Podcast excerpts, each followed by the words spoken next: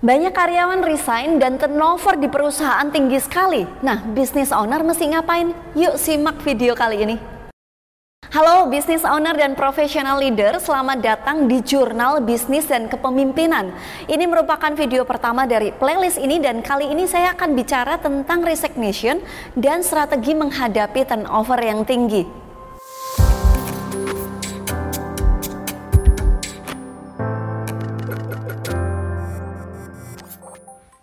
Selamat tahun 2021 nih ya. Bahkan sampai awal tahun 2022 ini saya melihat fenomena yang terjadi yaitu banyaknya karyawan yang resign dari perusahaan. Padahal sudah bertahun-tahun dia bekerja di sana, tapi akhirnya kenapa ya begitu bisa terjadi?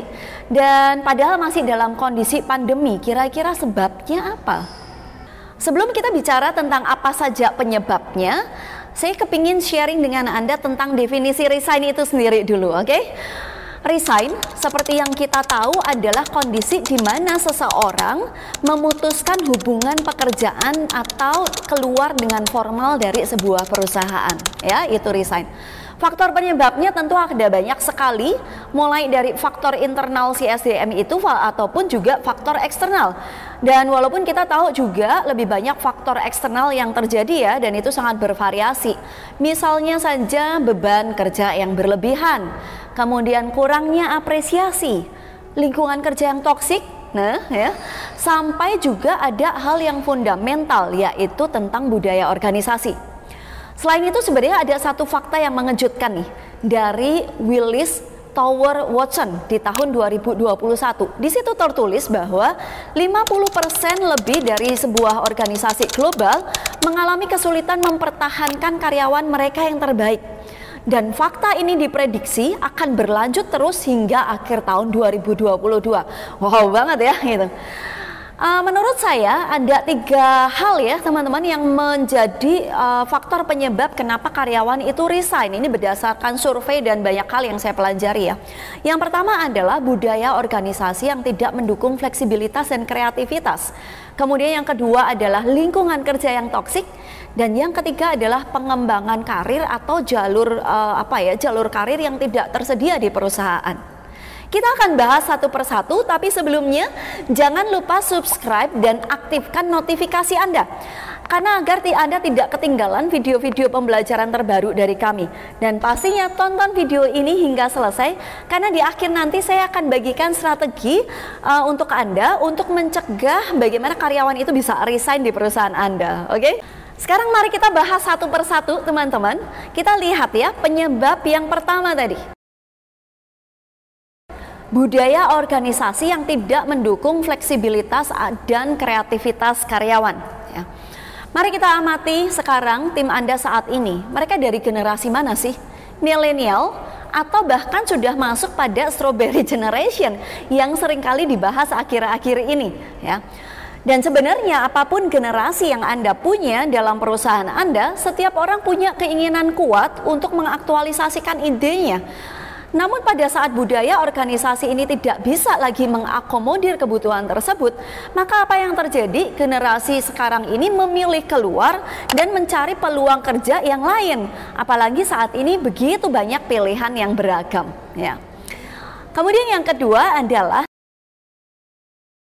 lingkungan kerja yang toksik. Nah, gosip di tempat kerja atau manajernya suka marah-marah dan bahkan mungkin pemilik bisnisnya sering bergonta-ganti keputusan ya. Semoga hal ini tidak terjadi di perusahaan Anda. Namun faktanya adalah lingkungan kerja yang toksik membuat karyawan enggan bertahan lama di perusahaan. Apalagi akhir-akhir ini begitu marak isu mengenai mental health dan seolah-olah semua orang butuh healing ya uh, Anda perlu sadari bahwa edukasi di media sosial dan di luar pekerjaan begitu masif sekarang ini. Maka tim atau karyawan akan mengerti sebenarnya mana kondisi yang ideal atau yang tidak ideal. Dan pastinya lingkungan kerja yang toksik adalah lingkungan yang tidak ideal nih teman-teman. Sehingga karyawan bisa memilih segera resign dari perusahaan untuk mencari kondisi yang kondisi yang lebih relevan untuk dia. Ya. Sekarang masalah yang ketiga nih soal bagaimana pengembangan karir atau jalur karir di perusahaan Anda itu belum ada ya. Sudah lima tahun kerjaannya yang gitu-gitu aja ya. Atau bahkan mungkin banyak pemilik bisnis yang mengatakan dulu saya kerjain semuanya sendiri loh. Dia berharap banyak karyawan juga melakukan hal yang sama tanpa ada jabatan yang jelas, tanpa ada arah karir yang jelas. Namun sebenarnya apakah kita sebagai pengusaha sendiri juga sadar bahwa dengan berkembangnya bisnis kita, maka perusahaan itu juga tidak bisa dilakukan sendiri. Ya. Butuh alur yang jelas, sistem yang tertata, serta jenjang karir yang pasti yang dapat membuat karyawan itu bertahan. Ya. Nah teman-teman ini adalah tiga faktor yang sering kali menjadi penyebab mengapa karyawan itu resign dari perusahaan Anda. Mungkin ini juga menjadi pertanyaan Anda, kalau gitu apa yang dibutuhkan oleh perusahaan nih? Apa yang perlu dilakukan untuk mencegah karyawan itu resign? Ya.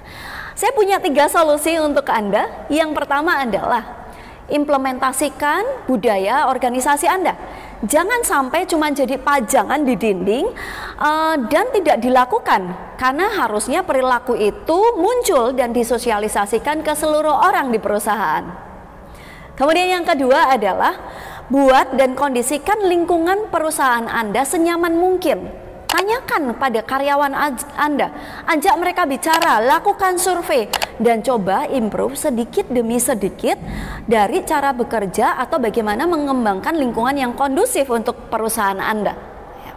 Dan yang ketiga, Anda bisa lakukan buat karir track di perusahaan Anda. Pada kenyataannya, karyawan juga, juga butuh kejelasan yang pasti. Kapan mereka naik gaji, kapan mereka punya tanggung jawab yang harus diselesaikan atau juga kompetensi apa saja yang diharapkan oleh perusahaan sehingga karirnya bisa meningkat. Ya, itulah beberapa fakta Bapak Ibu, teman-teman dalam menghadapi resignation atau turnover di perusahaan Anda. Dan pastinya kalau Anda merasakan video ini bermanfaat, Anda boleh share, komen, dan like ya. Kita akan ketemu di video pembelajaran yang lain.